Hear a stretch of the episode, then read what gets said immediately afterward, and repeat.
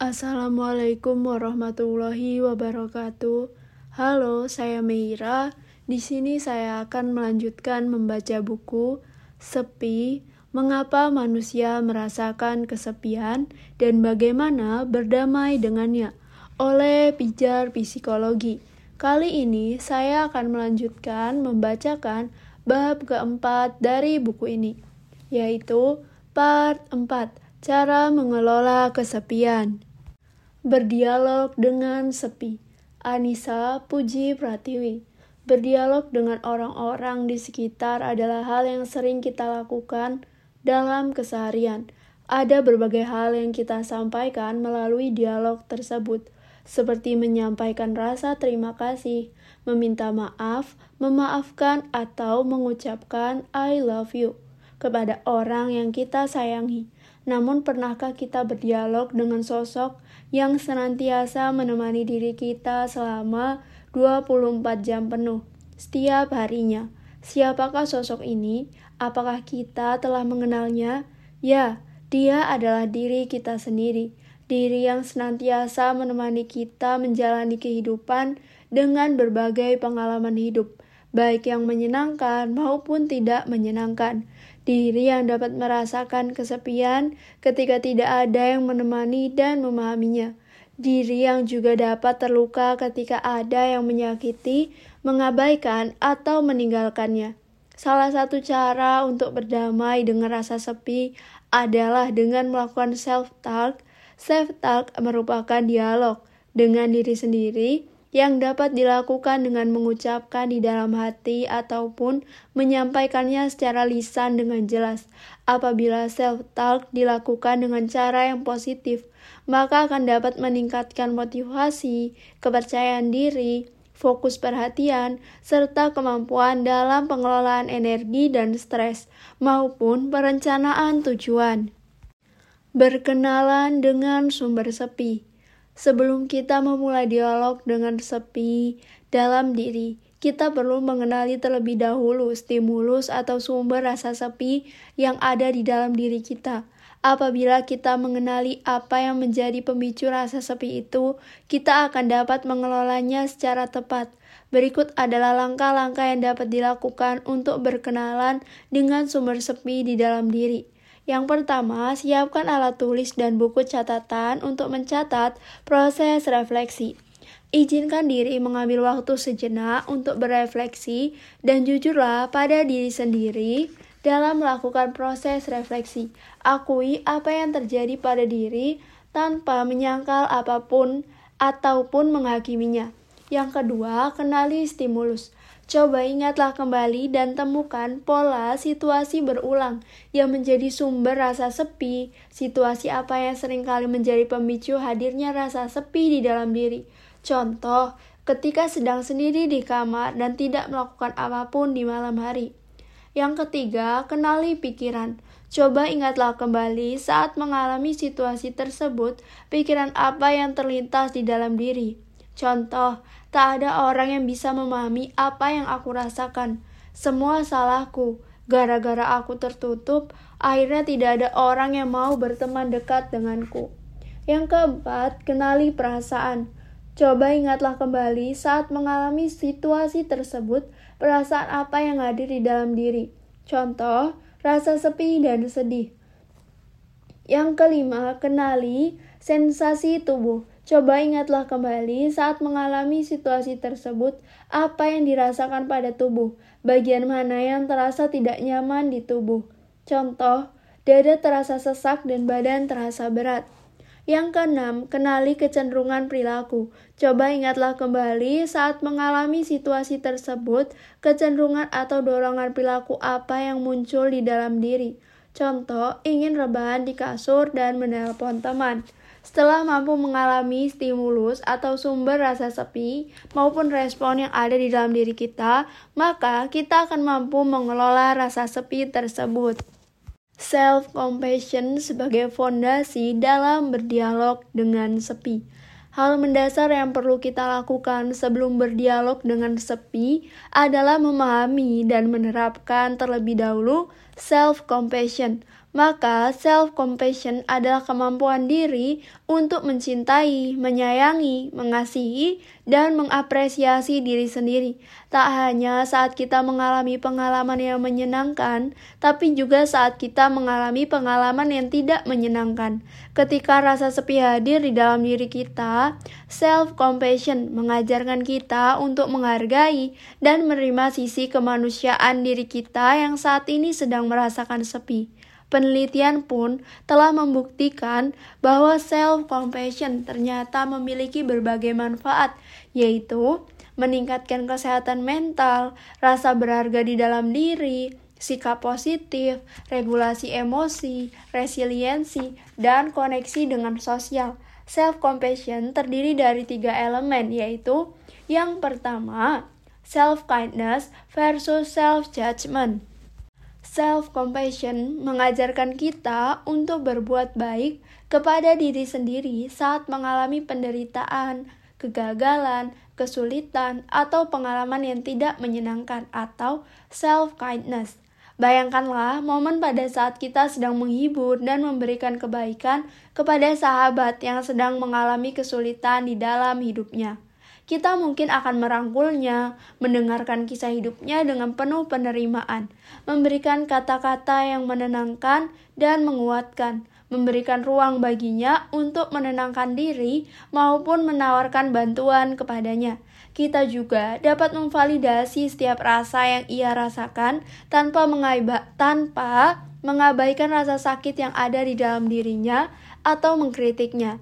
Seperti inilah kita memperlakukan diri kita sendiri dengan self-kindness. Kita tidak melakukan self-judgment, yaitu menghakimi atau mengkritik diri sendiri saat sedang mengalami pengalaman yang tidak menyenangkan. Yang kedua, common humanity versus isolation. Self-compassion juga mengajarkan untuk memahami bahwa setiap manusia di dunia ini adalah makhluk yang memiliki keterbatasan dan lemah serta pasti pernah mengalami penderitaan atau pengalaman yang tidak menyenangkan.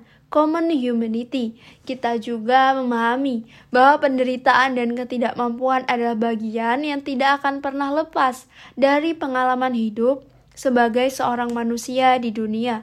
Hal ini menunjukkan bahwa kita tidaklah sendirian. Kita semua sedang berjuang menghadapi tantangan hidup kita masing-masing. Oleh karena itu, kita tidak perlu berlarut-larut dalam perasaan sendiri, menarik diri atau mengisolasi diri dari lingkungan sosial atau isolation. Yang ketiga, mindfulness versus over identification.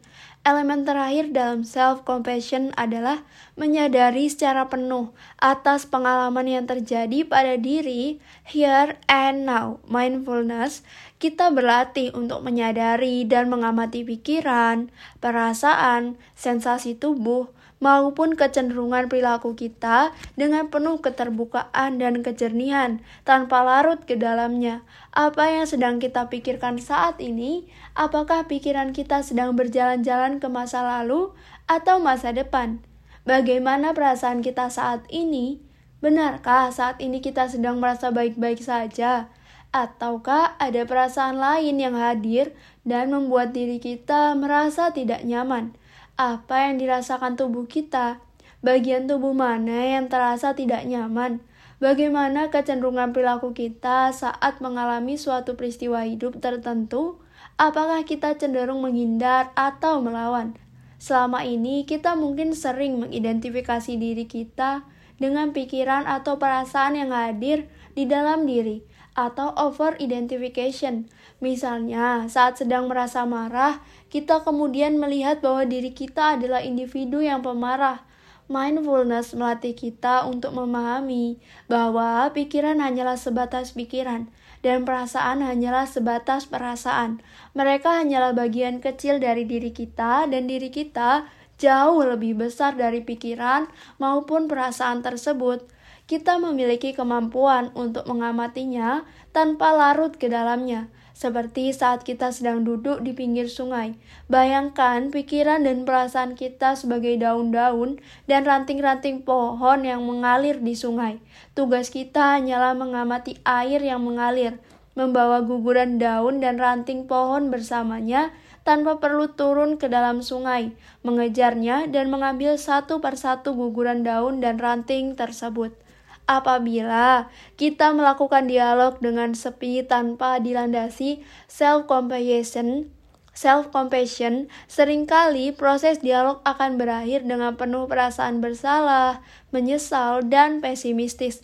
Sedangkan apabila self-compassion dapat kita terapkan sebagai fondasi, fondasi, maka proses dialog akan membawa diri kita kepada optimistis dan dapat memunculkan kembali dorongan untuk senantiasa memperbaiki diri dan melanjutkan hidup dengan lebih baik menerima sepi, serta mengambil tindakan.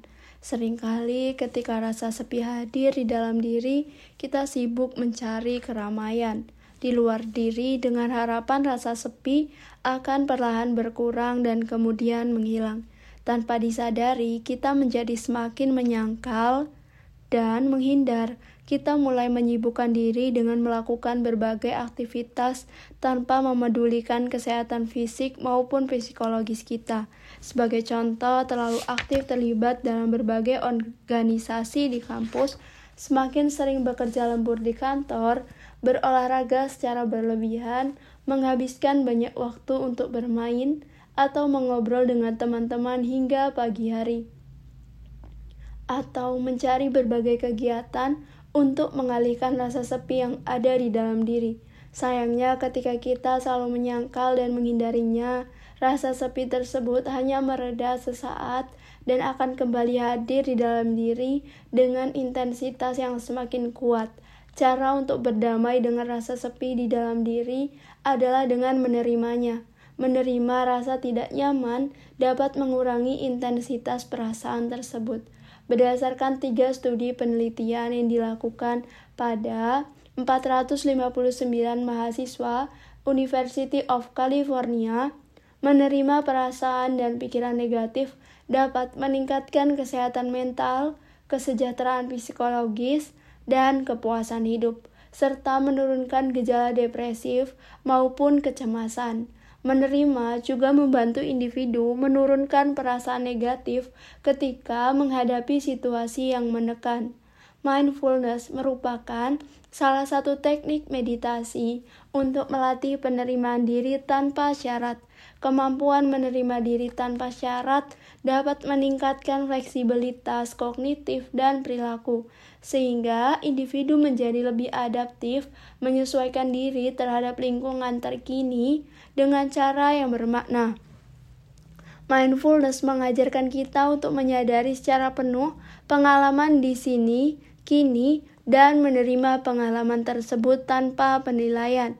Kita berlatih menjadi pengamat atas apa yang terjadi di dalam diri kita tanpa larut ke dalam pikiran atau perasaan yang muncul. Seolah-olah kita sedang menonton TV berisi pikiran dan perasaan yang datang serta pergi di dalam diri kita.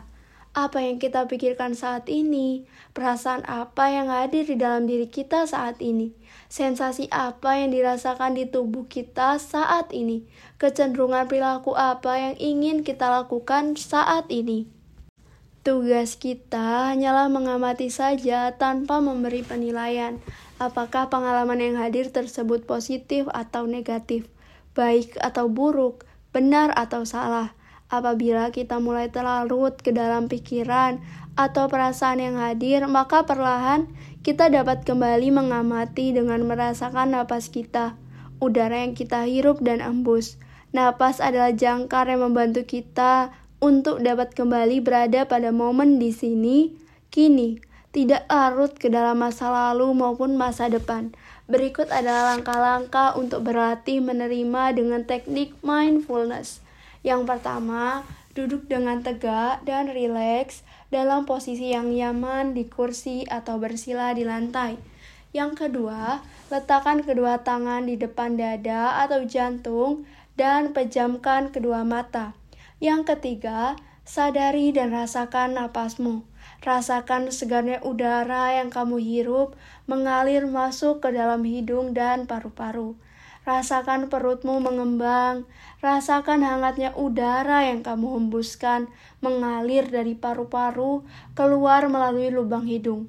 Rasakan perutmu mengempis, amati dan rasakan sensasi di daerah hidung, dada, atau perut saat kamu bernafas. Yang keempat, apabila ada pikiran dan perasaan yang hadir dalam diri, tidak apa-apa. Hal tersebut wajar. Sadari pikiran dan perasaan apa pun itu. Jujurlah pada diri dan akui pikiran serta perasaan tersebut ada di dalam diri. Kamu bisa mengatakan kepada diri sendiri, "Saat ini ada rasa sepi yang hadir di dalam diriku." Yang selanjutnya, yang kelima, terima Pikiran dan perasaan tersebut ada di dalam diri, apa adanya, tanpa menilai, menahan, menolak, atau berusaha untuk segera mengubahnya. Kamu bisa mengatakan kepada diri sendiri, "Aku ikhlas, aku pasrah, menerima rasa sepi yang ada di dalam diriku saat ini. Aku ikhlas, aku pasrah." menerima bagian dari diriku yang saat ini belum mampu untuk sepenuhnya ikhlas menerima. Yang terakhir, yang keenam, peluklah diri dan perlahan-lahan amati kembali nafasmu. Tersenyumlah, rasakan kembali segarnya udara yang dihirup dan hangatnya udara yang dihembuskan hingga merasa jauh lebih nyaman dan latihan dapat kamu akhiri. Latihan ini mungkin terasa tidak mudah untuk dilakukan. Latihan dapat dimulai dalam durasi waktu yang singkat, misalnya 3 menit atau 5 menit. Apabila nantinya sudah mulai terbiasa, perlahan durasi latihan dapat ditingkatkan sesuai dengan kebutuhan dan kenyamanan diri. Memulihkan sepi dengan Ho'oponopono. Setelah kita memahami self-compassion beserta tiga elemennya, kita dapat memulai berdialog dengan sepi. Kita dapat berdialog dengan menggunakan Ho'oponopono, metode pemulihan tradisional yang berasal dari Hawaii untuk membantu diri kita berdamai dengan sepi.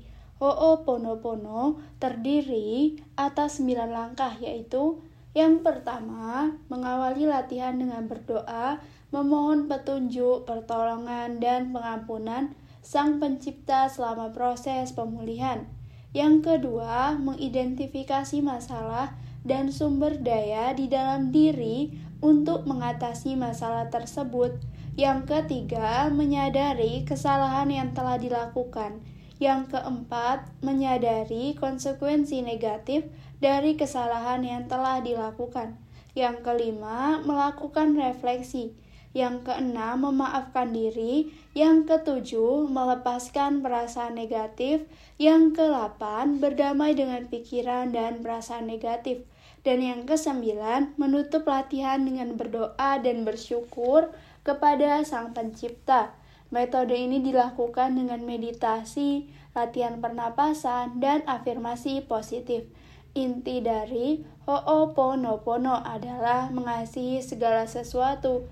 Joe Vital, penulis buku Zero Limits, menyatakan bahwa apabila kita mengasihi segala sesuatu, maka akan ada perubahan yang terjadi.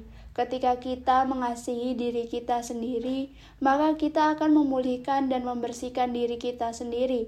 Saat diri kita pulih secara tidak langsung, kita juga memulihkan orang-orang di sekitar kita. Joe Vital juga menekankan untuk berdoa, memohon pengampunan kepada Sang Pencipta, dan memasrahkan pemulihan kepada Sang Pencipta disertai dengan afirmasi, Aku menyesal, maafkanlah aku, Terima kasih, aku mengasihimu. Selama berproses dengan Ho'oponopono. Ucapkanlah afirmasi tersebut kepada diri sendiri dengan intonasi suara yang hangat dan menenangkan. Berikan kebaikan kepada diri dengan memeluk hangat diri kita sendiri saat berdialog dengan sepi. Sampaikan rasa penyesalan kepada diri sendiri atas kesalahan atau kegagalan di masa lalu. Minta maaflah kepada diri sendiri dan maafkanlah diri sendiri. Ucapkan terima kasih kepada diri sendiri karena sudah bertahan dan berjuang sampai saat ini. Kemudian sampaikan kepada diri sendiri bahwa kita menyayangi diri kita sendiri sepenuh hati apa adanya Tersenyumlah sambil tetap memeluk hangat diri sendiri. Di bawah ini ada contoh afirmasi positif yang dapat diucapkan kepada diri sendiri saat berlatih Ho'oponopono. Diriku, aku mohon maafkanlah aku karena sudah membuatmu sakit dan merasa kesepian seperti ini. Maafkanlah aku karena belum mampu menjadi diriku yang terbaik seperti yang kamu inginkan. Diriku, Aku telah memaafkanmu. Aku telah memaafkan segala kesalahan dan kegagalan di masa lalu. Aku menerima segala kelebihan dan keterbatasanmu, apa adanya. Terima kasih diriku karena kamu sudah bertahan hingga saat ini. Terima kasih diriku karena kamu sudah berjuang begitu keras sampai detik ini. Diriku, aku menyayangimu sepenuh hatiku, apa adanya berdamai dengan si kesepian melalui psikosintesis. Kita dapat juga berdamai dengan si kesepian yang ada di dalam diri kita melalui psikosintetis. Itu merupakan salah satu bentuk terapi dari psikologi transpersonal yang dikembangkan pada tahun 1910 oleh Roberto Assagioli, seorang psikiater berkebangsaan Italia di Zurich, Swiss Psikosintesis membantu kita untuk melihat adanya keterkaitan berbagai kekuatan yang berbeda dan terkesan saling berlawanan di dalam diri. Kita menjadi pengamat dari sub kepribadian yang ada dalam diri. Sub kepribadian merupakan bagian dari kepribadian individu yang memiliki ciri, kebutuhan, keinginan, maupun tujuan sendiri dan berfungsi sebagai alat untuk mengekspresikan diri ke dalam dunia. Dalam konteks terapi ini, kita benar-benar membayangkan bahwa si kesepian punya wujud dan atau punya suara sehingga kita bisa berbincang dengannya. Melalui kacamata psikosintesis, kita melihat si kesepian sebagai salah satu sub kepribadian yang ada dalam kita. Si kesepian memiliki kehidupannya sendiri, kebutuhannya sendiri dan tujuannya sendiri yang tidak jarang berkonflik dengan sub kepribadian lain yang ada dalam diri. Hal tersebut terjadi tanpa kita sadari dan membuat diri kita sering kali mengalami frustasi karena konflik batin. Aku tidak ingin melakukan hal itu, tapi kenapa aku melakukannya lagi kali ini? Meskipun demikian, si kesepian yang ada dalam diri dapat kita bentuk ulang dan transformasi. Berdamai dengan si kesepian memerlukan proses agar kita dapat menyadari, menerima, dan mentransformasi sub kepribadian agar seluruh potensi di dalam diri dapat berkembang dan bertumbuh. Kita perlu mengenal dan menyadari keberadaan si kesepian di dalam diri terlebih dahulu, seperti bagaimana wujud atau sosoknya di dalam diri kita, ciri-cirinya, pola pikirnya, perasaannya, sensasi tubuh yang kita rasakan, dan kecenderungan perilaku kita saat ia hadir, serta situasi apa yang menjadi pemicu kehadiran di dalam diri kita.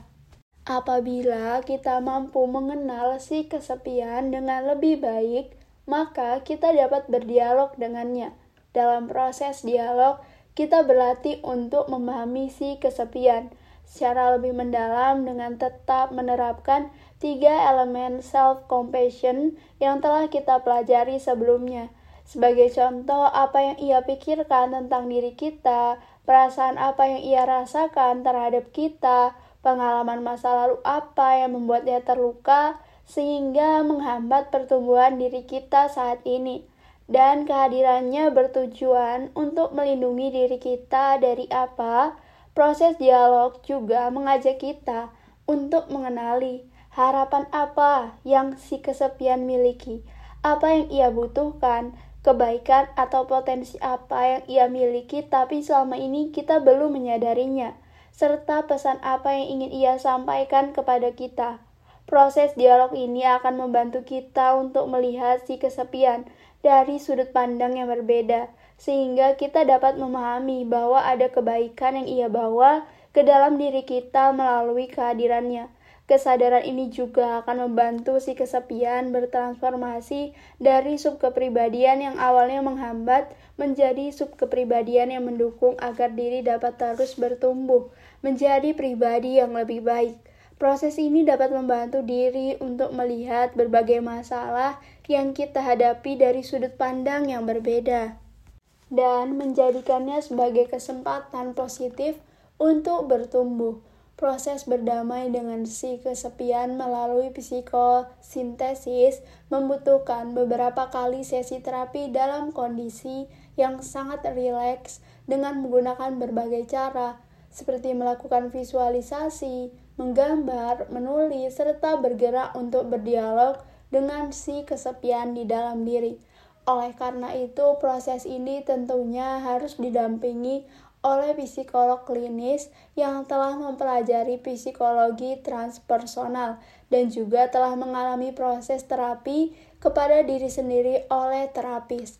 Psikosintesis merupakan terapi yang mendalam sehingga juga membutuhkan kesediaan dan kesiapan dari klien untuk berkomitmen dalam menjalani seluruh rangkaian proses hingga akhir sesi terapi. Namun, tidak semua orang perlu memproses rasa sepi dengan psikosintesis.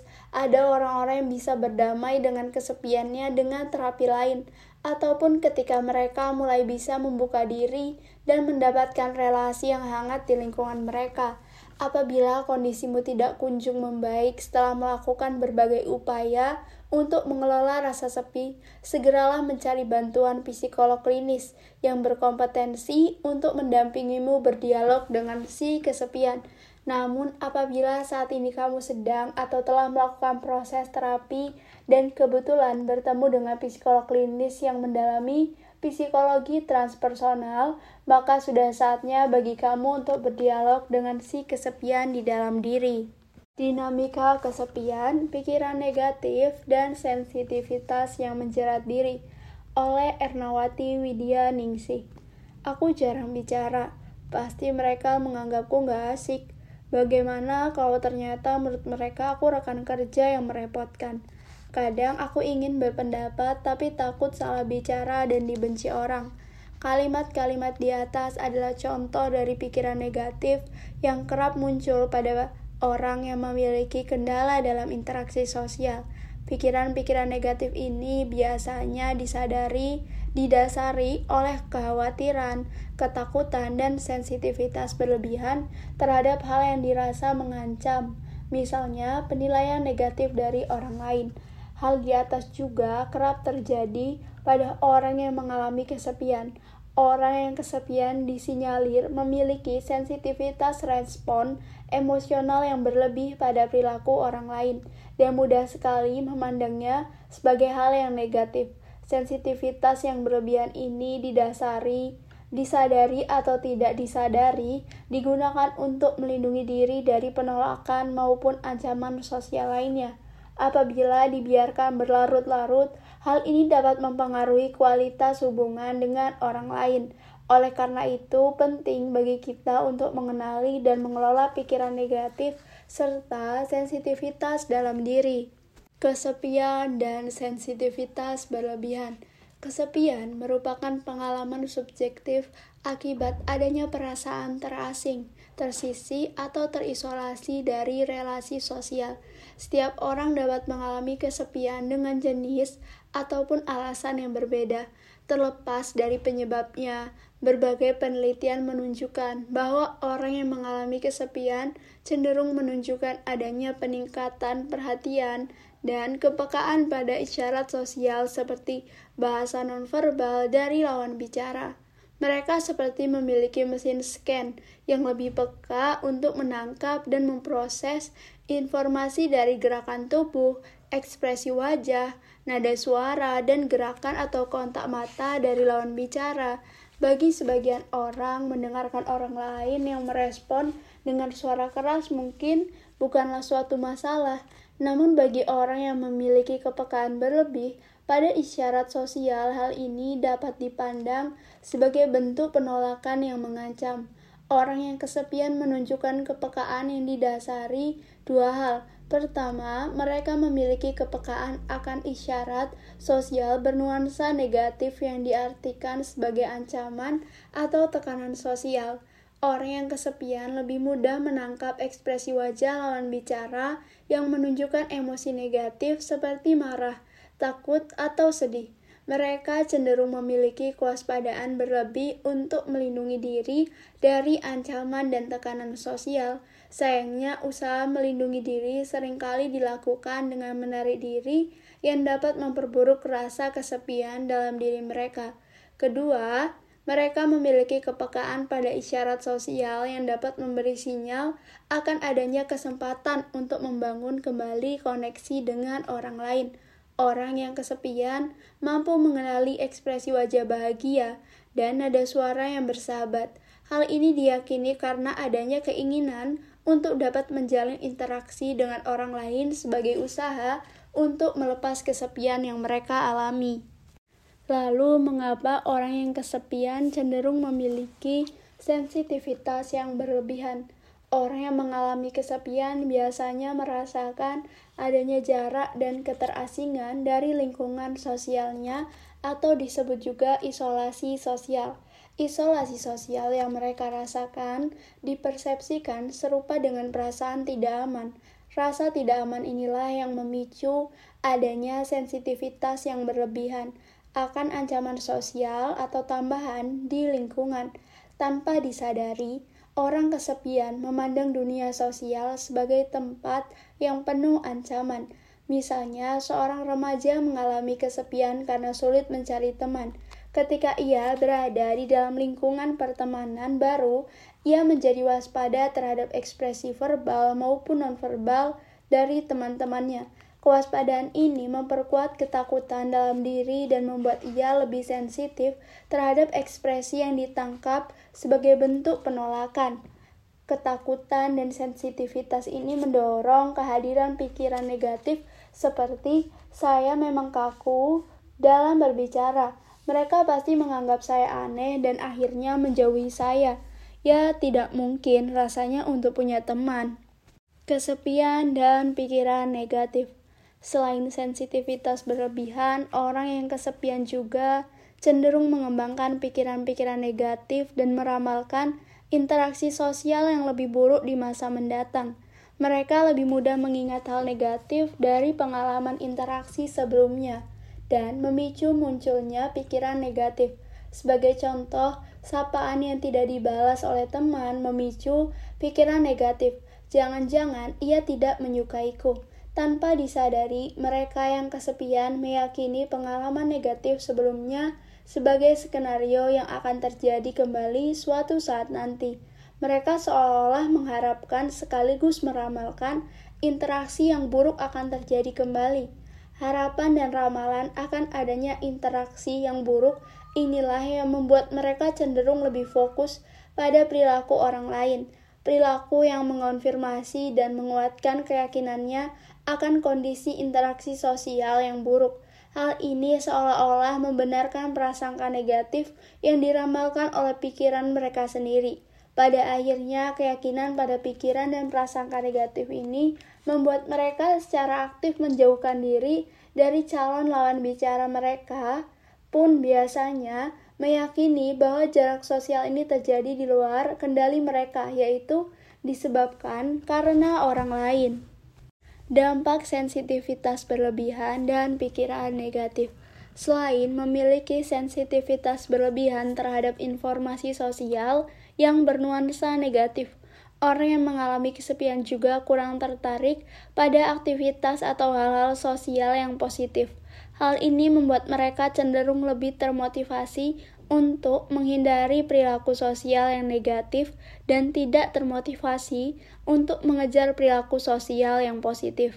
Akibatnya, orang yang kesepian cenderung menghindari dan enggan mengambil resiko untuk terlibat dalam interaksi dengan hasil yang tidak pasti. Hal ini seperti siklus yang dapat menjadi perangkap bagi orang yang mengalami kesepian. Saat mereka merasakan adanya isolasi sosial, muncul motivasi dan harapan untuk terhubung atau terkoneksi kembali. Namun, mereka cenderung memiliki sensitivitas berlebih yang didasarkan pada ketakutan akan penilaian dari orang lain. Hal ini mungkin terjadi karena adanya pengalaman sebelumnya yang menyakitkan, misalnya penolakan, yang menimbul, menimbulkan kecemasan untuk menjalin interaksi baru. Tanpa disadari, pikiran-pikiran negatif menjadi pembatas untuk dapat terlibat penuh dan membuka diri dalam interaksi. Mereka mulai melihat secara negatif sebagian besar interaksi yang dilakukan bersama orang lain, dan kesulitan melihat hal-hal positif dari interaksi tersebut. Pikiran-pikiran negatif ini pun membuat mereka cenderung melihat dari kacamata dan perspektif yang sempit. Orang yang mengalami kesepian mempersilahkan, mempersepsikan secara subjektif, baik itu perilaku, ekspresi wajah, maupun kata-kata orang lain yang menguatkan rasa tidak aman dalam dirinya meskipun tidak disadari oleh bukti tertentu, tidak didasari oleh bukti tertentu, pikiran negatif dan bias memori karena sensitivitas berlebih biasanya diperkuat dengan munculnya perasaan-perasaan negatif yang memperburuk suasana hati. Munculnya rasa malu, marah, cemas, bahkan keraguan akan diri ketika berinteraksi dengan orang lain. Hal ini dapat memunculkan persepsi yang buruk pada diri dan mempengaruhi perilaku yang ditunjukkan dalam interaksi. Tidak jarang mereka meyakini, meyakini bahwa diri mereka buruk dan gagal secara sosial. Berbagai perasaan tidak nyaman itu membuat mereka menunjukkan tingkah yang aneh dan kurang sesuai dengan konteks. Hal ini dapat membatasi kemungkinan interaksi baru berkembang menjadi hubungan yang baik. Tidak jarang orang dengan perasaan terisolasi secara sosial menjadi canggung saat ditempatkan pada suatu lingkup pertemanan. Pikiran negatif menjadi penghalang seseorang dapat menampilkan diri apa adanya dan berinteraksi secara nyaman dengan orang lain. Bagaimana mengelola pikiran yang negatif dan sensitivitas berlebihan? Mengelola pikiran negatif adalah hal yang menantang untuk dilakukan, apalagi jika pola berpikir negatif sudah menjadi kebiasaan berpikir yang tertanam dalam diri, baik itu karena faktor genetik atau karena adanya proses belajar dari lingkungan. Terkadang kita tidak menyadari pikiran negatif yang kita miliki. Kita membiarkannya merusak hingga semakin lama kita masuk dan terhanyut di sana. Lalu, apa yang dapat dilakukan agar tidak terhanyut di dalam pusaran pikiran negatif? Berikut adalah serangkaian cara yang dapat dilakukan untuk mengelola pikiran negatif kita. Yang pertama, menyadari pikiran negatif, Negative Automatic Thoughts atau NATS. Pikiran hanyalah sebagian kecil dari diri kita. Terkadang pikiran yang kita miliki berdasar pada realitas, tapi sebagian lainnya merupakan praduga yang dapat membuat kita melompat pada kesimpulan tertentu. Tidak jarang pula praduga ini dapat memperkeruh keadaan. Contohnya, saat kita mengirimkan pesan singkat dan tidak mendapatkan balasan, ada kalanya muncul pikiran, pesanku tidak dibalas karena dia tidak menyukaiku. Jika kita telah lebih lanjut, jika kita telah ah lebih lanjut, praduga terkait lawan bicara yang tidak menyukai kita merupakan kesimpulan yang melompat dan cenderung kurang realistis. Ada berbagai kemungkinan lain yang dapat menjadi alasan mengapa pesan balasan belum kita dapatkan. Misalnya karena yang bersangkutan terlalu sibuk sehingga belum memiliki kesempatan untuk membalas pesan adanya gangguan jaringan atau hambatan lain. Alih-alih berusaha memahami dan berpikiran positif, tidak jarang diri kita justru meyakini praduga bahwa lawan bicara tidak menyukai kita. Pikiran seperti ini disebut negative automatic thoughts atau NATS karena pikiran ini cenderung pesimis, tidak realistis dan secara otomatis muncul di benak kita. Kita berharap pikiran ini pergi, tapi ia seperti radio yang terus berbicara di benak kita dan tidak dapat kita matikan. melawan NATS dan berusaha menghilangkannya biasanya merupakan hal yang sia-sia karena ia akan semakin kuat berada di benak kita. Kita tidak akan pernah dapat mengendalikan dan menghalanginya hadir di benak kita. Hal yang dapat dilakukan adalah mengizinkan NATS datang dan kemudian membatalkannya dengan menemukan alternatif yang lebih seimbang dan lebih dapat dipercaya. Menyadari NATS dapat dilakukan dengan membuat catatan mengenai seperti apa yang terjadi. Tuliskan situasi yang terjadi. Kita dapat menggunakan who, sedang bersama siapa, what, apa yang dilakukan, where? Berada di mana, when? Kapan terjadinya, untuk mempermudah merumuskan situasi yang terjadi. Lalu, apa pikiran yang muncul di benak kita saat hal ini terjadi? Tuliskan pikiran dan seberapa besar dalam persen keyakinan akan pikiran tersebut. Selanjutnya, bagaimana perasaan kita? Definisikan perasaan dan seberapa besar dalam persen intensitasnya saat itu.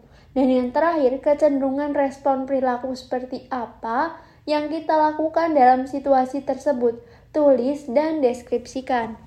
Berikut terdapat contohnya. Situasi atau peristiwa berupa saat berbicara dengan orang baru di kegiatan ospek kampus. Perasaannya berupa cemas 90%, tidak pede 100%, insecure 80%. Pikiran otomatisnya aku tampak bodoh 80%, dia pasti menganggap aku aneh atau nggak asik 100%. Respon atau perilaku yang dilakukan, contohnya, aku lebih banyak diam dan menghindari percakapan. Saat mencobanya untuk pertama kali sangat wajar jika terasa sulit. Oleh karena itu, kamu perlu membiasakan diri dengan terus berlatih membuat catatan. Dengan membuat pencatatan, kita dapat lebih jelas memetakan NATS dan bagaimana manifestasinya pada perasaan dan perilaku. Yang kedua, menguji pikiran yang keliru. Pikiran kita memiliki cara yang cerdas dan persisten untuk meyakinkan tentang sesuatu yang tidak benar. Hal ini dapat terjadi karena adanya bias dalam proses mempersepsikan sesuatu atau bias pikir, baik itu akibat dari pengalaman di masa lalu atau karena proses belajar yang didapat dari lingkungan. Setelah memetakan NATS, saatnya untuk menguji kebenarannya dengan mengajukan beberapa pertanyaan di bawah ini dan menuliskannya dalam catatan. Yang pertama, adakah bukti yang mendukung pemikiran ini? Jika bukti ini didasarkan pada pengalaman masa lalu, mengapa ini berlaku untuk pengalaman yang baru ini? Yang kedua, adakah bukti-bukti yang tidak mendukung pemikiran ini?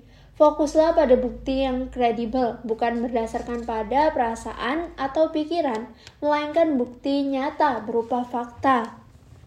Baik, saya akan membacakan Contoh mengenai bukti yang menguatkan pikiran otomatis dan bukti yang melemahkan pikiran otomatis. Hal ini masih berkaitan dengan contoh peristiwa sebelumnya, yaitu mengenai saat berbicara dengan orang baru di kegiatan ospek kampus. Contoh bukti yang menguatkan pikiran otomatis berupa aku kurang terampil dalam berkomunikasi. Aku belum mengenal orang itu sehingga belum mengenal karakternya. Bukti yang melemahkan pikiran otomatis berupa Sebenarnya, caraku berkomunikasi sudah jauh lebih dari sebelumnya, dan temanku terlihat nyaman-nyaman saja denganku. Topik pembicaraan adalah hal umum yang aku pahami, jadi aku dapat menjawab pertanyaan jika tidak sibuk dengan kecemasanku sendiri. Ketiga, mencari pikiran alternatif. Setelah menemukan bukti baik yang mendukung maupun tidak mendukung, NATS sekarang saatnya untuk menjadi hakim bagi keduanya. Akan lebih mudah menjadi hakim yang adil apabila kita memosisikan diri memosisikan diri sebagai pengamat bukan sebagai subjek yang memiliki pikiran tersebut. Ambillah waktu untuk menenangkan diri dan memberi jarak pada pikiran. Jika perlu, visualisasikan diri sedang menjadi hakim atas pikiran yang dimiliki oleh seorang teman, bukan atas pikiran diri sendiri. Sekarang, temukan pikiran alternatif, yaitu pikiran yang lebih seimbang. Pemikiran yang baru ini akan mempertimbangkan semua bukti yang membuat kita lebih bijak dalam berpikir saat menghadapi situasi yang sama. Cobalah temukan sebanyak-banyaknya dan sertakan derajat keyakinan dalam persen pada masing-masing pikiran alternatif tersebut. Contoh pikiran alternatifnya berupa cara berkomunikasiku mungkin memang belum sempurna. Jadi ini adalah kesempatan untuk melatihnya. Derajat persennya sebesar 70%. Kita memang belum saling mengenal, tapi tidak ada masalah selama aku berkomunikasi dengan baik dan sopan. Derajatnya 80%. Kalau aku tidak paham topik pembicaraan ini, kesempatan untuk menambah wawasanku. Bahkan aku tidak perlu banyak bicara, cukup bertanya saja. Derajatnya 80%. 4. Memeriksa kembali perasaan dan pikiranmu. Setelah berhasil menemukan pikiran alternatif yang lebih seimbang, cobalah periksa kembali perasaan dan pikiran kita. Ajukan pertanyaan di bawah ini dan tuliskan di dalam catatan bagaimana perasaan dan pikiran saat ini, seberapa besar dalam persen masih meyakini pikiran negatif, apakah merasa lebih baik saat ini. Coba perhatikan adakah perubahan yang dirasakan pada perasaan dan pikiran saat ini. Saat memeriksa kembali perasaan sangat penting untuk jujur pada diri sendiri. Tidak masalah jika mengalami gejolak emosi dan sedang dalam kondisi tidak baik-baik saja. Ingat, kita sudah memahami bagaimana pikiran negatif yang berusaha dilawan justru akan muncul semakin kuat. Sama halnya dengan perasaan kita. Saat kita berusaha menunjukkan perlawanan pada perasaan, hal ini akan semakin menguras energi dan justru dapat memperburuk suasana hati. Suasana hati yang buruk dapat mengarah pada munculnya NAT dan berpengaruh pada respon perilaku kita. Sikap jujur dan apa adanya akan kondisi diri dapat membuat kita lebih santai dan tidak memaksakan diri untuk selalu berpikiran positif. Contoh mengenai perasaan dan pikiran saat ini. Contohnya, aku dapat mengikuti alur pembicaraan dengan baik sehingga Aku merasa baik-baik saja dan lebih percaya diri. Presentasenya sebesar 80%. Lalu, aku tidak lagi berpikir bahwa aku tambah bodoh dan dianggap tidak asik. Presentasenya sebesar 0%. Yang kelima, menjadi pendengar yang baik. Saat berada dalam situasi sosial, orang yang mengalami kesepian memiliki kecenderungan untuk fokus pada diri dan pada pikiran negatifnya sendiri. Orang yang kesepian biasanya tidak benar-benar hadir dan terlibat dalam percakapan. Sebagian pikirannya mendengarkan orang lain, tapi sebagian pikiran lainnya sibuk dengan dialog diri yang negatif. Cara lain yang dapat dilakukan untuk mengalihkan pikiran negatif adalah dengan lebih banyak menaruh perhatian pada orang lain. Perhatian yang dimaksud bukan berfokus pada perilaku atau kata-kata yang orang lain ucapkan sebagai respon dari perilaku kita, melainkan lebih berfokus pada konten yang mereka sampaikan.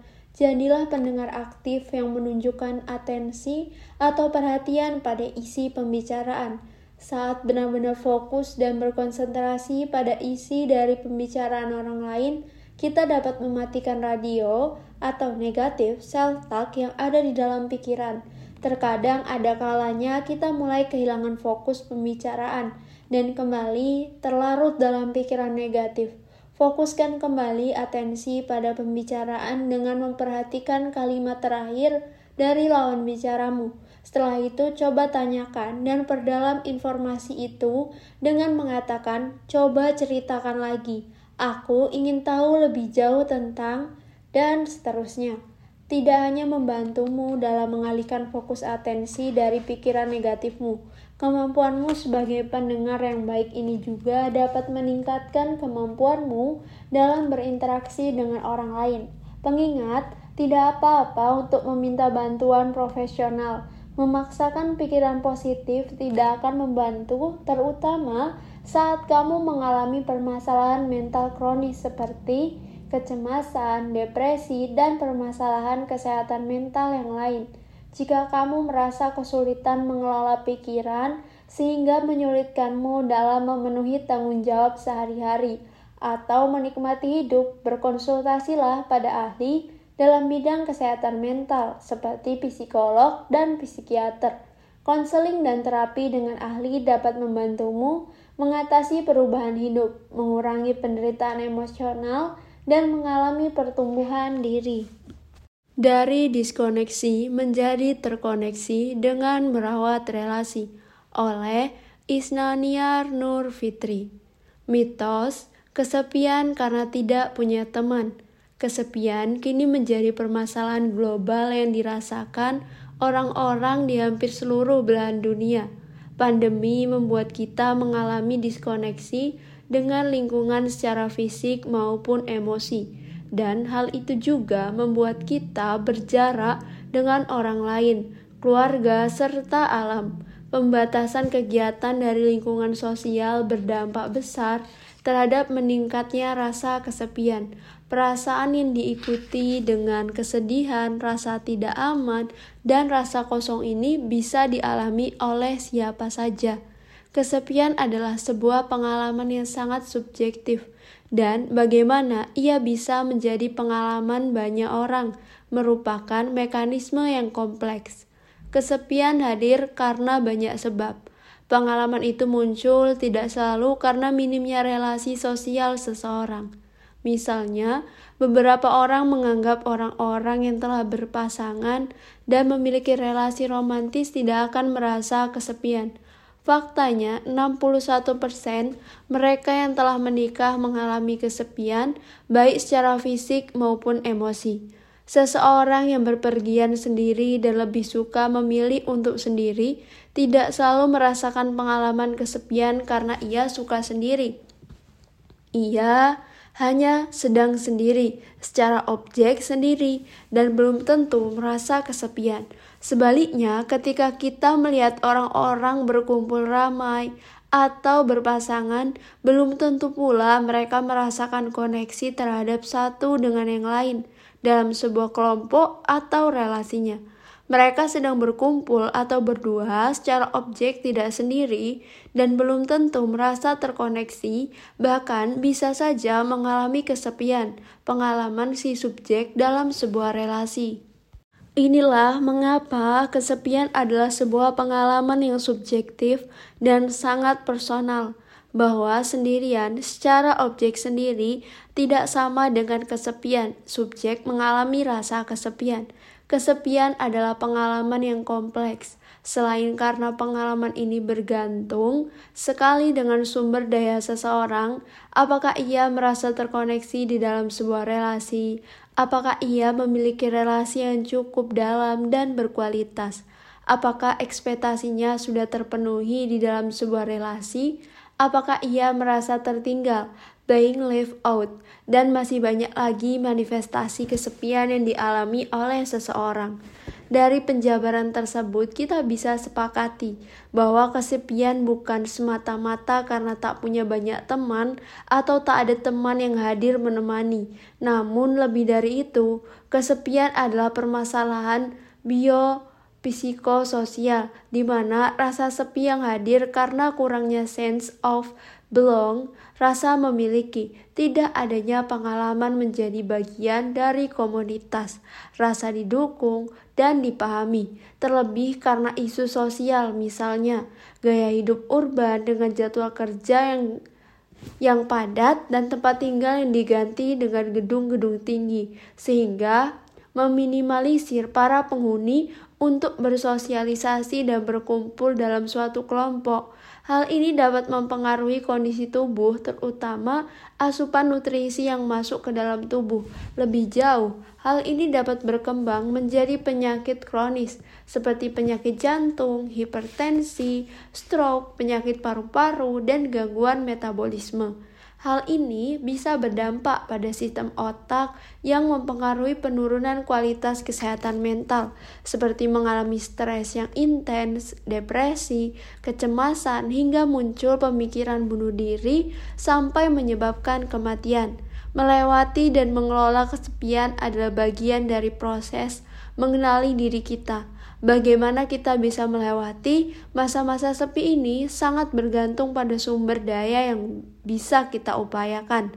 Kita bisa mulai dari kemampuan untuk lepas dari rasa sepi, sehingga kita mampu membangun kembali koneksi dan relasi secara sadar. Kita pun bisa memiliki relasi yang berkualitas, serta menemukan kembali makna hidup yang sebenarnya kita cari. Bagaimana menjalin relasi yang dalam dan berkualitas? Menurut KBBI, Kamus Besar Bahasa Indonesia, kata relasi adalah hubungan atau pertalian, sedangkan koneksi adalah hubungan atau pertalian yang bisa memudahkan segala urusan atau kegiatan. Untuk bisa berdamai dan mengelola kesepian, kita perlu membangun kembali relasi yang mampu memudahkan atau melancarkan kebutuhan kita sebagai manusia, baik secara fisik, psikis, mental, maupun spiritual sehingga kita bisa merasa terhubung atau terkoneksi dan menemukan makna di balik rasa sepi. Berdamai dengan kesepian dimulai dari membangun kembali relasi yang sempat terputus, disconnected. Relasi dengan siapa dan relasi yang bagaimana yang perlu kita bangun. Yang pertama, reconnected dengan diri sendiri. Pertama, perlu kita sadari bahwa rasa sepi ada di dalam diri kita di dalam tubuh, di dalam setiap sel-sel kita, menurunkan sistem imun kita, dan mempengaruhi cara otak serta gen bekerja. Sebagai contoh, dalam kondisi kesepian, kita cenderung mengalami emosi negatif yang intens dan menyebabkan produksi hormon kortisol meningkat, sehingga ekspresi genetik pun terpengaruh. Misalnya, terjadi inflamasi ber lebihan di dalam sel sehingga menyebabkan sel rusak. Maka dari itu, hal pertama yang perlu kita benahi adalah relasi dengan diri sendiri.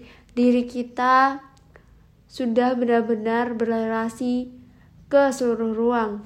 Diri kita terdiri atas ruang fisik, emosi, pikiran, serta jiwa. Apakah kita sudah benar-benar berrelasi dengan seluruh ruang di dalam diri kita?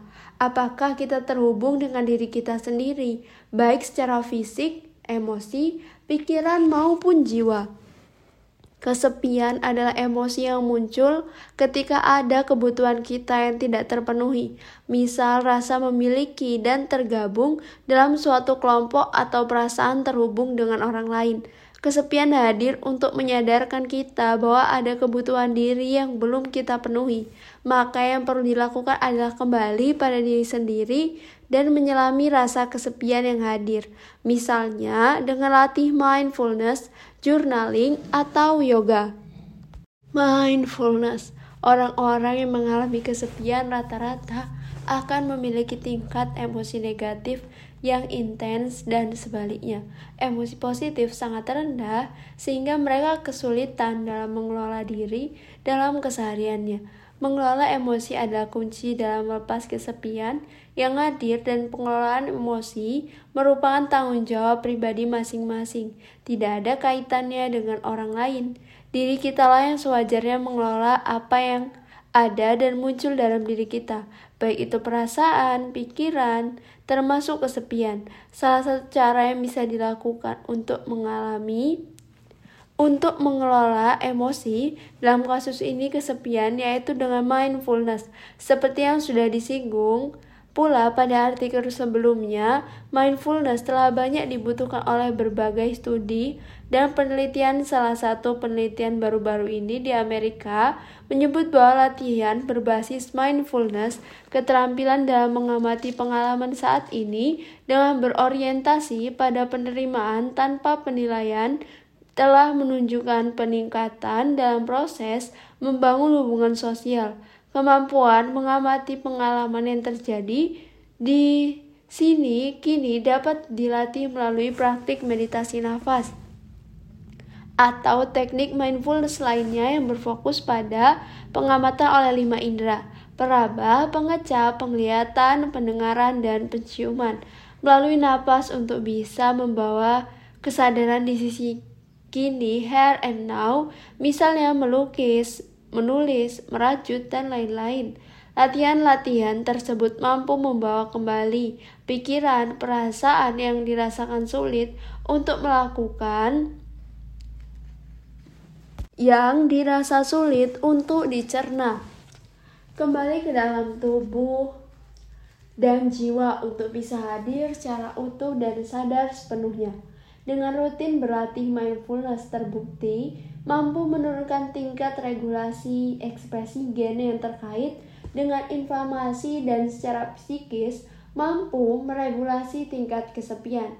Hal ini dapat terjadi karena mindfulness mengembangkan kesadaran diri menjadi lebih sadar dalam mengelola emosi maupun diri sendiri serta mengembangkan kemampuan transendensi diri mampu menyadari dan memahami hal-hal yang tidak terlihat yang banyak ditemukan di alam semesta.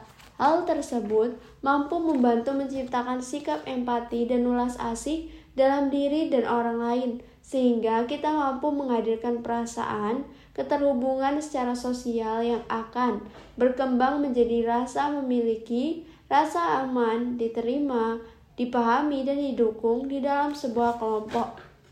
Journaling atau upaya untuk mencatat hal-hal yang terjadi sehari-hari terbukti memiliki efek terapeutik sehingga bisa digunakan untuk membantu memetakan emosi dan pikiran yang sedang hadir saat ini.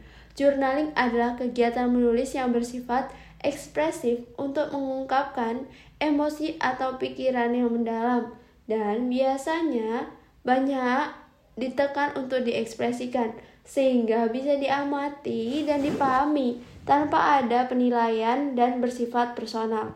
Menulis secara ekspresif dapat menurunkan tingkat stres secara psikis maupun psikologis, seperti menurunnya ketegangan otot, mengurangi tingkat keringatan, dan menurunkan tekanan darah, serta menurunkan ritme detak jantung.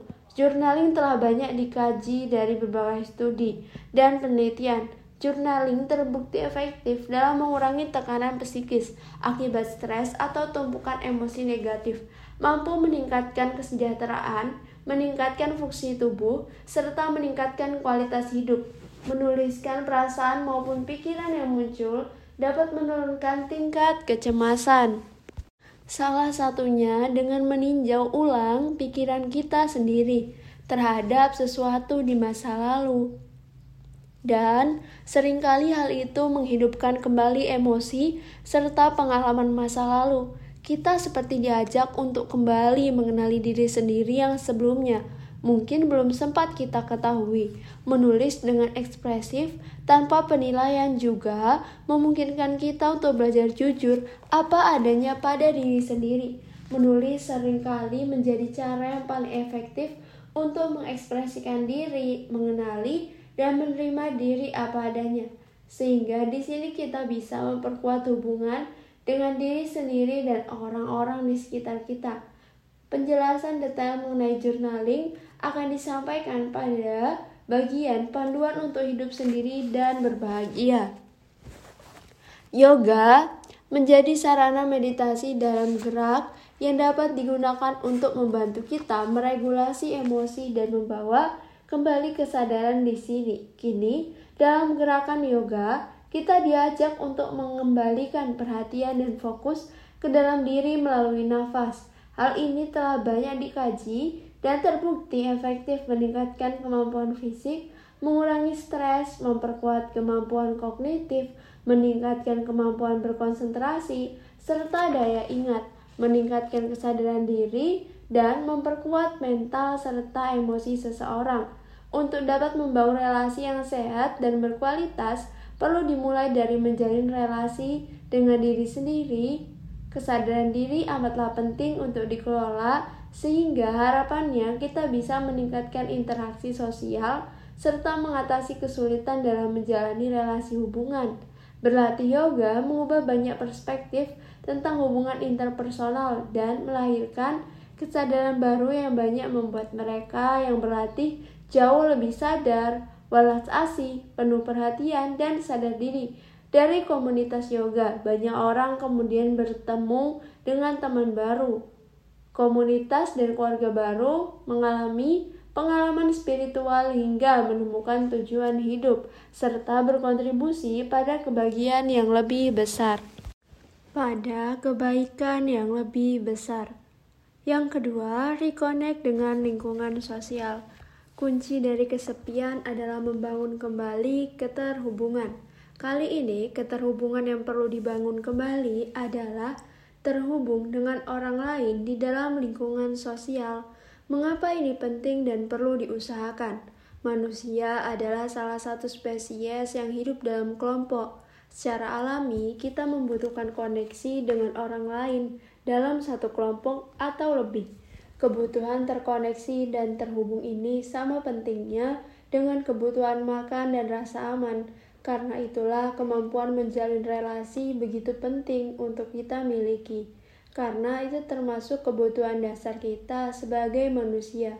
Pada zaman dulu, orang-orang berkelompok untuk bertahan hidup, dari mencari makanan hingga melindungi diri dari bencana alam dan serangan. Manusia modern sekarang ini masih membawa kebutuhan untuk berkelompok dan saling terkoneksi. Relasi dan rasa terhubung membawa dampak positif pada kestabilan emosi, seperti meningkatkan mood serta baik untuk kesehatan fisik maupun mental. Kesiapan kita dalam membangun relasi dan terhubung dengan orang lain, terutama dipengaruhi oleh kesiapan kita dalam membuka diri terhadap lingkungan sosial, entah itu lingkungan sosial yang baru atau membangun relasi kembali dengan lingkungan sosial sebelumnya. Belajar mengizinkan orang-orang untuk masuk ke dalam diri kita, bukan telinga, buka telinga, buka mata, buka hati untuk mereka yang datang dan menyambut mereka dengan kerelaan diri untuk berbagi bersama. Kita belajar mulai untuk membuka diri dengan bergabung dalam komunitas support group itu adalah sekelompok orang dengan pengalaman dan fokus yang sama yang saling memberikan dukungan emosional serta moral satu sama lain di dalam support group biasanya akan banyak berbagi cerita atau pengalaman antar satu dengan lainnya. Saling berbagi pengalaman dalam kasus ini kesepian, mendengarkan dengan penuh empati dan mencoba merefleksikan cerita maupun pengalaman-pengalaman kesepian dari anggota kelompok diketahui mampu memberikan rasa memiliki, dipahami, dan didukung, yang mana pengalaman tersebut tidak kita temukan selama mengalami kesepian. Bagi beberapa orang yang mengalami kesepian, membangun kembali relasi sosial tidaklah mudah. Adanya rasa tidak percaya diri, tidak merasa cukup layak didengar maupun diakui, atau perasaan lain yang membuat diri sulit untuk membuka kesempatan membangun relasi sosial itu tidak apa, itu wajar. Hal pertama yang perlu didasari, yang perlu disadari adalah kita benar-benar terhubung dengan diri sendiri. Lalu, apa saja kemampuan yang perlu kita miliki untuk menjalin relasi menjadi pertanyaan selanjutnya. Beberapa cara berikut dapat digunakan untuk merawat relasi dan perasaan terhubung dengan orang lain, sehingga kita bisa menjadi lebih tahan terhadap munculnya rasa kesepian yang mungkin saja datang. Pertahankan koneksi, luangkan waktu bersama keluarga, terlebih di saat kegiatan banyak dihabiskan di dalam rumah maka manfaatkan untuk kembali terhubung dengan anggota keluarga. Ini sangat membantu untuk bertahan melawan kesepian.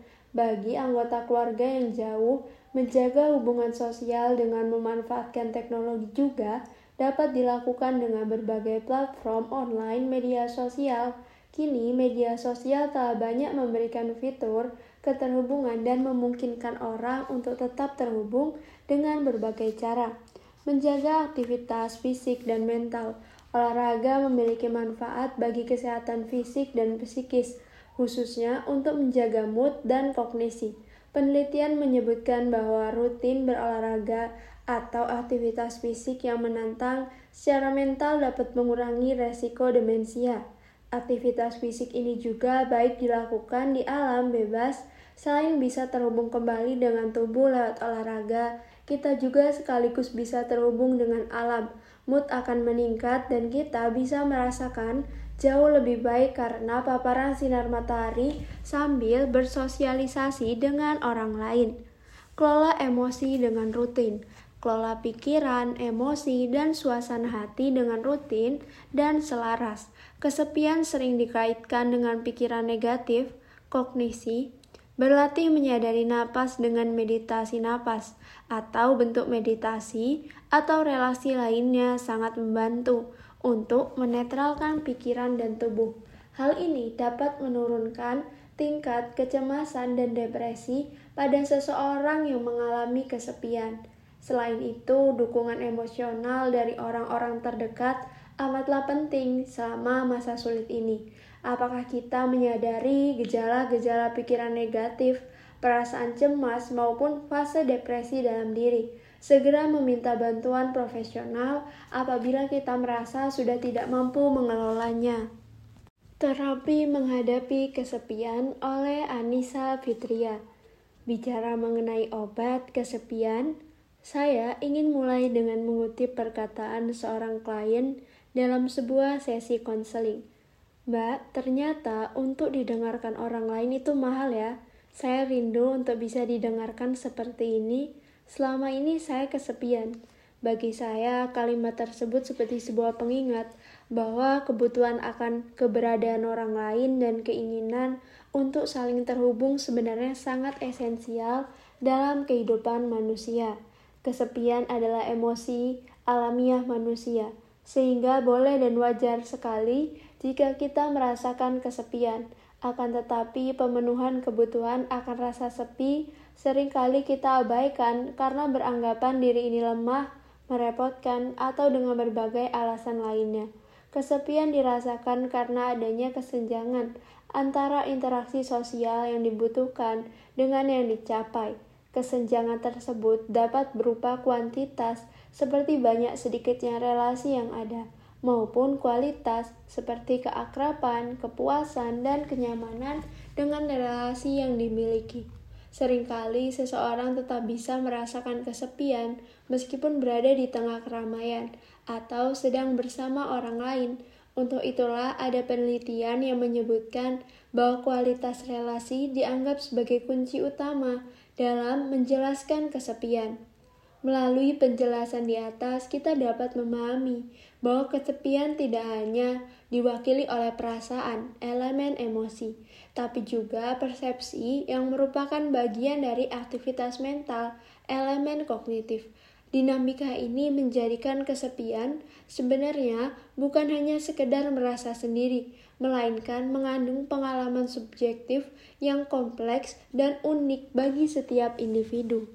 Ada kalanya kesepian dapat diredakan secara mandiri, misalnya dengan menulis jurnal syukur, gratitude journal, berlatih kata-kata positif untuk diri sendiri, afirmasi, terlibat dalam kegiatan sosial, merawat binatang peliharaan, menghubungi teman atau anggota keluarga yang dipercaya, dan berlatih meditasi.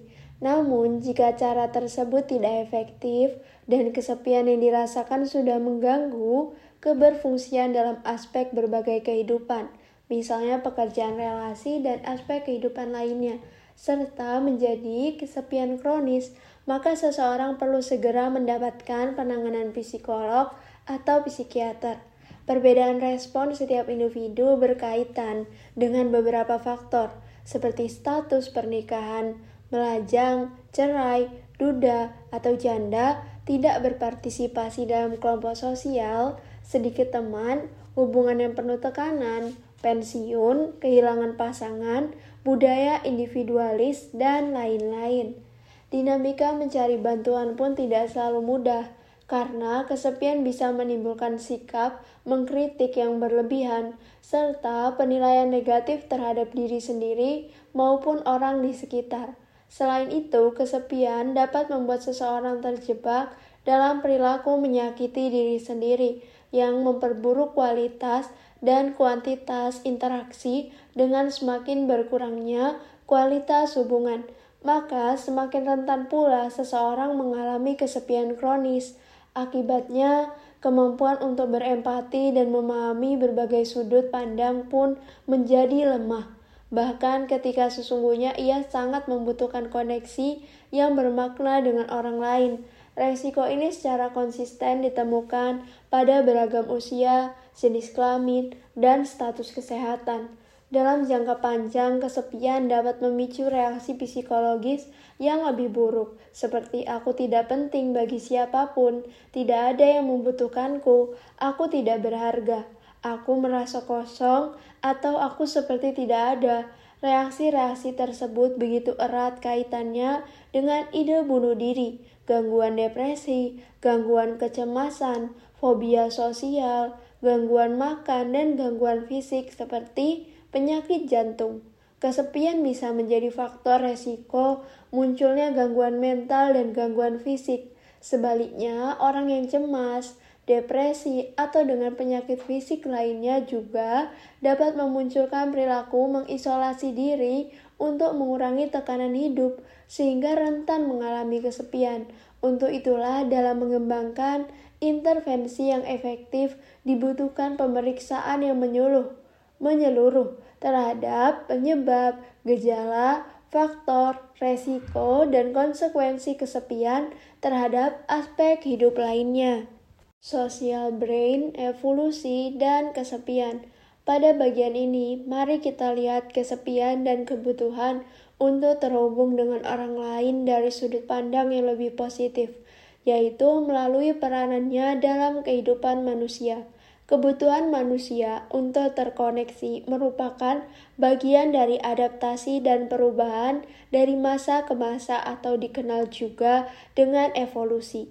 Teori evolusi menyebutkan bahwa makhluk hidup yang mampu bertahan hidup dan meneruskan generasinya melalui reproduksi adalah yang bisa menyesuaikan diri dengan tuntutan lingkungan primata lain sebelum spesies manusia saat ini memecahkan masalah dari predator lingkungan dengan hidup berkelompok. Seiring perjalanan waktu, primata-primata berikutnya pun semakin terampil dalam menciptakan koherensi, kestabilan, dan kelompok sosial yang terkoordinasi. Kualitas interaksi sosial yang bermanfaat dan dapat diandalkan tersimpan sebagai warisan genetik namun sayangnya ada interaksi yang justru membawa kerugian bahkan sampai kepada keturunan berikutnya. Misalnya karena paparan konflik berkelanjutan, eksploitasi, kekerasan, dan sebagainya. Rupanya kelangsungan hidup primata tidak hanya bergantung pada kemampuan untuk mengidentifikasi teman saja, tapi juga mengenali musuh. Dalam konteks ini, otak berperan kunci untuk menangkap informasi dari lingkungan sosial, lalu mengambil langkah-langkah pemeliharaan, perbaikan, atau pengganti dari aktivitas sosial yang mengancam menjadi memuaskan. Dampak evolusi dalam kaitannya dengan interaksi sosial berusaha dipahami melalui otak sosial, social brain. Istilah social brain berawal dari dugaan bahwa primata, kera, simpanse, termasuk manusia, membutuhkan ukuran otak yang lebih besar daripada spesies lainnya karena kehidupan bersosial yang lebih kompleks. Kompleksitas di sini bukan merujuk pada jumlah elemen sosial, melainkan esensi perilaku dan struktur yang lebih rumit. Dugaan tersebut diperkuat dengan hasil penelitian bahwa semakin besar ukuran kelompok sosial primata, maka proporsi neokorteks atau bagian otak yang mengatur fungsi berpikir dan fungsi mental lainnya seperti persepsi, nalar, bahasa juga semakin besar. Hal tersebut bermakna bahwa untuk memproses informasi sosial yang semakin kompleks dibutuhkan ruang yang sebanding. Pada level individu, hasil penginderaan otak manusia menunjukkan bahwa seseorang dengan ukuran otak bagian samping, temporal lobes, dan bagian depan frontal lobes yang besar berkaitan dengan kapasitas dalam memahami hubungan sebab akibat perilaku manusia dan menghadapi tekanan lingkungan. Oleh karena itu, individu tersebut memiliki relasi sosial yang lebih berkembang secara proporsional. Kedua bagian otak tersebut diketahui bertanggung jawab atas aktivitas mental seperti regulasi diri, atensi, antisipasi, pengolahan informasi suara, dan lain-lain. Penelitian lain berusaha untuk memahami apakah otak memang memiliki wilayah yang bekerja untuk menangkap dan mengolah informasi sosial. Hasilnya menunjukkan bahwa otak akan mengolah informasi sosial secara detail dan spesifik bergantung pada stimulus yang dihadirkan. Sebagai contoh, ekspresi wajah kartun dan manusia akan diproses di wilayah berbeda. Begitu pula dengan rangsangan yang lebih kompleks serta melibatkan emosi seperti ekspresi wajah tersenyum dengan bentuk muka geometris disertai suara lembut dan warna kulit putih berambut panjang tidak mengaktifkan wilayah yang dengan tampil wajah manusia saja. Penelitian di atas menunjukkan bahwa otak manusia sangat sensitif terhadap stimulus sosial sehingga kemampuan tersebut disebut dengan kognitif sosial. Proses kognitif ini melibatkan pemrosesan informasi tentang diri sendiri, orang lain, hubungan interpersonal, dan interaksi sosial yang penting, yaitu adaptasi sosial. Kognisi sosial terdiri atas banyak proses kognitif, termasuk persepsi wajah, tatapan mata, ekspresi wajah, prosidi, irama, dan penekanan dalam berbicara gerakan tubuh, dan isyarat, memahami dan membuat kesimpulan tentang keadaan mental orang lain, membentuk penilaian orang lain, dan refleksi diri dan hubungannya dengan orang lain. Kerusakan serius pada wilayah sosial brain dapat berujung pada gangguan mental kompleks di mana pemrosesan informasi sosial menjadi tidak normal, seperti pada kasus skizofrenia dan autisme. Persepsi oleh otak bahwa manusia tidak memiliki hubungan sosial yang cukup bermakna, yaitu kesepian, dikaitkan dengan langkahnya, langkahnya interaksi yang saling menguntungkan, altruisme, dan kemungkinan peningkatan antisipasi terhadap situasi yang merugikan diri sendiri. Kondisi ini memantik motivasi untuk mempertahankan diri, sehingga individu menjadi menarik diri dan semakin merasa kesepian. Proses mempertahankan diri tersebut hadir melalui proses bawah sadar, karena pengambilan keputusan yang diambil hanya mengacu pada kemungkinan saja. Respon tersebut boleh jadi membantu untuk menjaga kelangsungan hidup seseorang, sementara akan tetapi jika respon tidak sehat tersebut terus dipertahankan, otak mulai serangkaian otak memulai serangkaian penyesuaian pada perilaku dan perubahan kerja saraf, hormonal, seluler, hingga gen yang berdampak negatif bagi penyesuaian diri, kesehatan, dan kesejahteraan mental. Di balik semua proses di atas, dengan merasa kesepian, tubuh sebenarnya sedang menyampaikan pesan kepada manusia untuk melakukan sesuatu agar kembali mampu menghadapi tekanan lingkungan dan bertahan hidup. Seluruh proses inilah yang kemudian menjadi sistem proteksi mental yang dikerjakan oleh otak sosial manusia ketika seseorang kembali terhubung dengan lingkungannya secara proporsional. tubuh berusaha mengoptimalkan perlindungan dalam bentuk penghiburan terhadap kesulitan pencegahan perilaku merusak ketika berhadapan dengan bahaya. Regulasi terhadap ketakutan yang berlebihan, berpikir logis, dan bertanggung jawab terhadap ketidaktahuan dan ketidakpastian yang bisa muncul kapan saja dalam kehidupan. Intervensi pada kesepian. Kegiatan terapi untuk kesepian dapat dilakukan secara individual kelompok klien yang merasakan kesepian, support group seperti penyintas perang, atau kelompok dengan latar belakang tertentu, seperti kasus wanita bercerai. Hasil penelitian menunjukkan bahwa program intervensi untuk mengatasi kesepian sebagian besar menargetkan pada salah satu dari empat tujuan berikut ini. Pertama, mengubah kognitif terkait kesepian, pandangan terhadap diri sendiri, serta interaksi dengan orang lain. Kedua, memberikan pelatihan keterampilan sosial, misal berbicara di telepon, memberi dan menerima pujian, serta meningkatkan keterampilan komunikasi nonverbal. Ketiga, meningkatkan peningkatan keterlibatan sosial dan dukungan sosial, program pendampingan, program body care, Panggilan converse. Keempat, memperluas kesempatan melakukan kontak sosial, misal melakukan kegiatan sosial bersama atau volunteering. Di antara keempat tujuan tersebut, program yang dirancang untuk mengubah kognitif terbukti memiliki efektivitas paling besar untuk mengurangi kesepian dibandingkan program lainnya. Pendekatan kognitif biasa dikenal dengan kognitif behavioral therapy atau CBT. Selain CBT, interferensi juga menunjukkan hasil cukup memuaskan adalah program yang menitik beratkan pada keterlibatan sosial dan dukungan sosial. Sementara itu, intervensi lainnya menunjukkan hasil yang beragam. Data di atas menunjukkan bahwa program intervensi yang berfokus pada komunikasi dan kesempatan untuk berinteraksi dengan orang lain saja belum cukup tanpa menargetkan pada proses mental individu yang bersangkutan.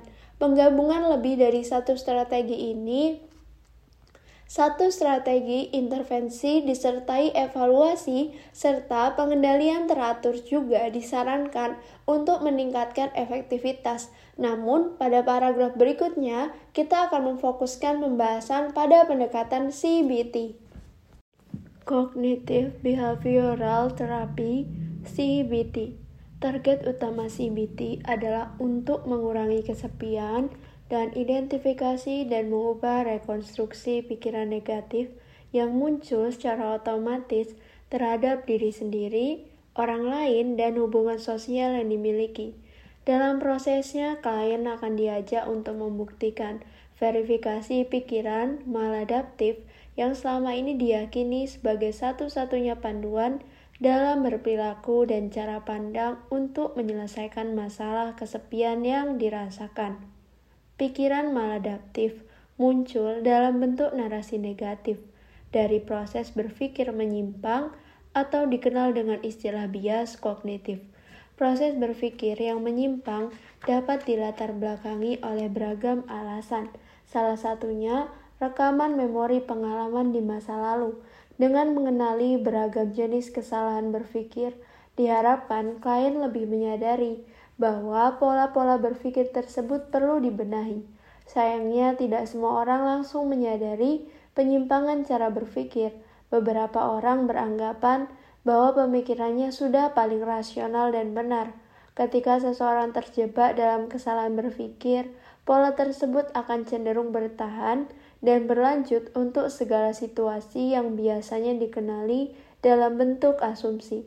Untuk mengubahnya dibutuhkan usaha dari klien untuk menantang asumsinya sendiri. Berikut ini adalah beberapa jenis kesalahan berpikir dan contohnya.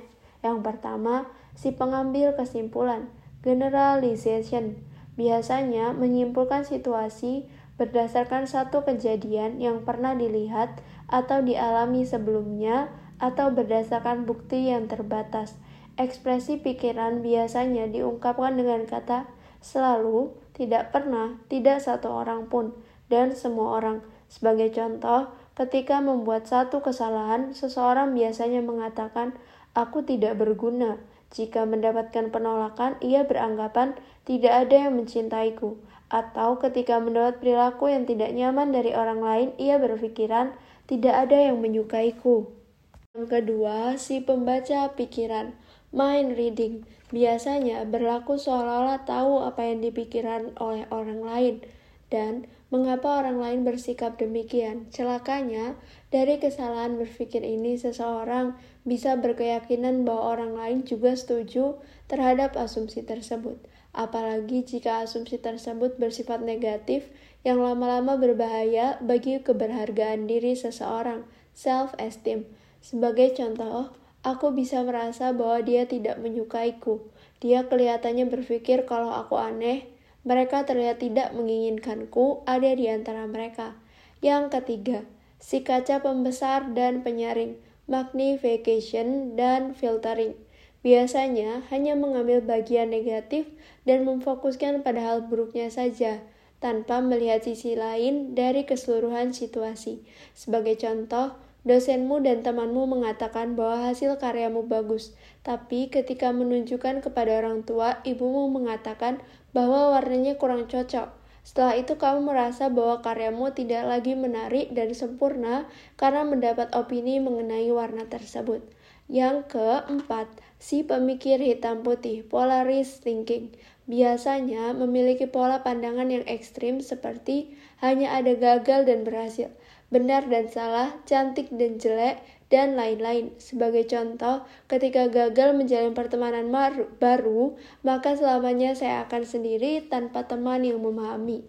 Yang kelima, si melebih-lebihkan. Catastrophizing. Biasanya pola ini tampak dalam pertanyaan bagaimana kalau kemudian seseorang mengekspektasikan kejadian buruk akan terjadi dan tidak akan mampu menghadapinya. Sebagai contoh, gimana kalau nanti orang lain marah lalu aku sedih lagi? Aku tidak akan kuat menghadapinya. Lalu yang selanjutnya, si terlalu perasa, personalization.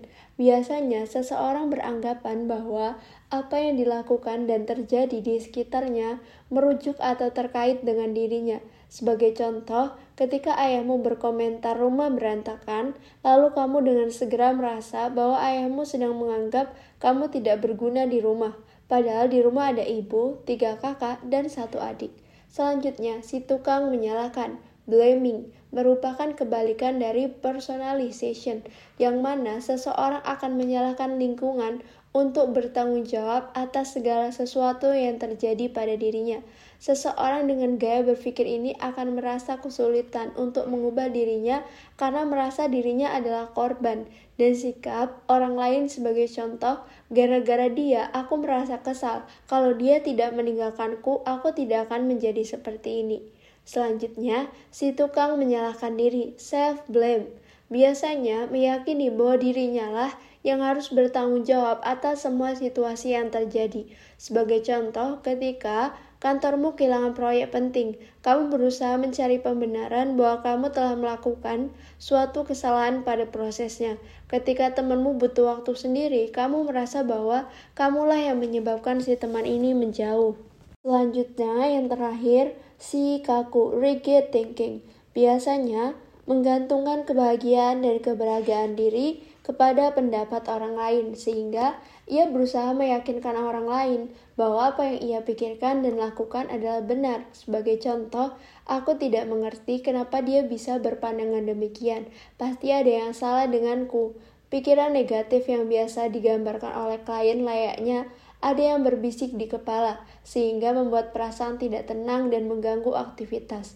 Klien biasanya berharap bahwa pikiran-pikiran tersebut pergi, tapi tidak bisa. Respon tersebut justru seperti senjata makan tuan, karena semakin seseorang berusaha membuat penghalang agar pikiran tersebut tidak muncul, semakin pikiran tersebut menetap dan mendominasi. Semakin seseorang berharap pada hilangnya pikiran negatif, semakin ia menaruh perhatian pada pikiran tersebut, lalu proses mental tersebut. Perhatian itu dilanjutkan dengan persepsi penalaran dan pemberian makna yang membuat pikiran tersebut tetap ada, bahkan lebih kuat. Oleh karena itu, psikolog atau psikiater tidak akan meminta untuk mengkontrol, dan menghalangi pikiran negatif yang muncul. Cognitive Behavior Therapy (CBT) akan membantu untuk merefleksikan sejauh mana pikiran menggambarkan apa yang sebenarnya terjadi di dunia nyata, lalu mengevaluasi dan menawarkan sudut pandang lain yang lebih rasional.